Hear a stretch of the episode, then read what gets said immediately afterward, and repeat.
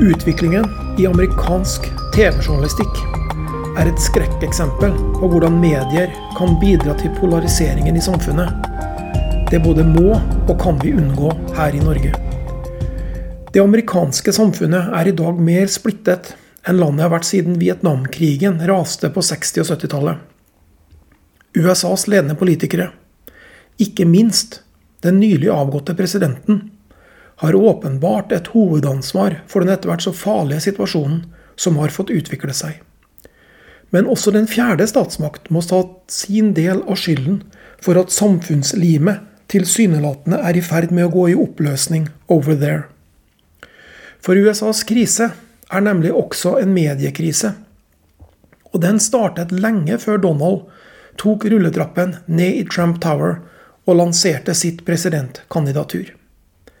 Store amerikanske TV-medier har over tid beveget seg bort fra de journalistiske idealene om upartiskhet, bredde og meningsmangfold. I stedet har de åpent valgt side, og dermed blitt brikker i den nådeløse kulturkampen som nå er i ferd med å rive samholdet i den store nasjonen i fillebiter. Det pekes ofte på amerikanske høyresidemedier som verstingene når det gjelder å politisere journalistikken.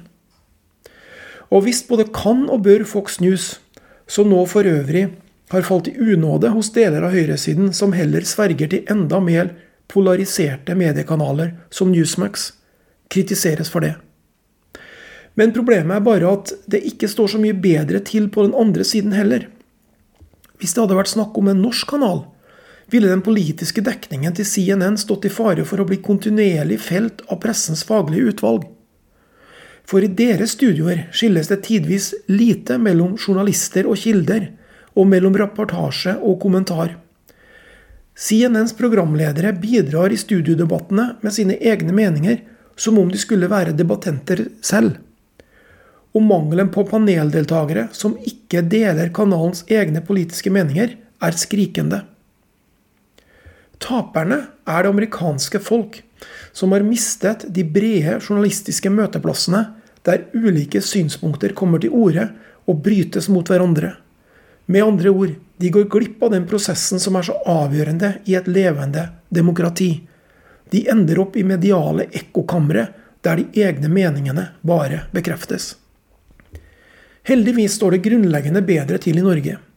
Her har vi brede etermedier som legger vekt på at et mangfold av meninger skal tillates.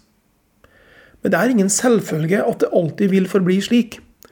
Det finnes krefter også her i landet som vil innskrenke ytringsrommet, og i praksis utestenge folk de ikke er enige med, fra adgang til de brede fellesarenaene i det norske medielandskapet.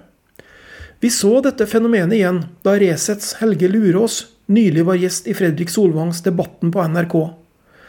Der debatterte han Trump i duell med Rødts stortingskandidat Mimir Kristiansson. Etter programmet har klagene på at Lurås fikk være med, strømmet inn til NRK. Men hvis en allmennfinansiert allmennkringkaster skal oppnå allmenn aksept, så krever det at også de alternative stemmene får slippe til. Det fortjener NRK ros, og ikke ris, for. For det er jo nettopp denne brede deltakelsen som motvirker amerikanske tilstander på medieområdet.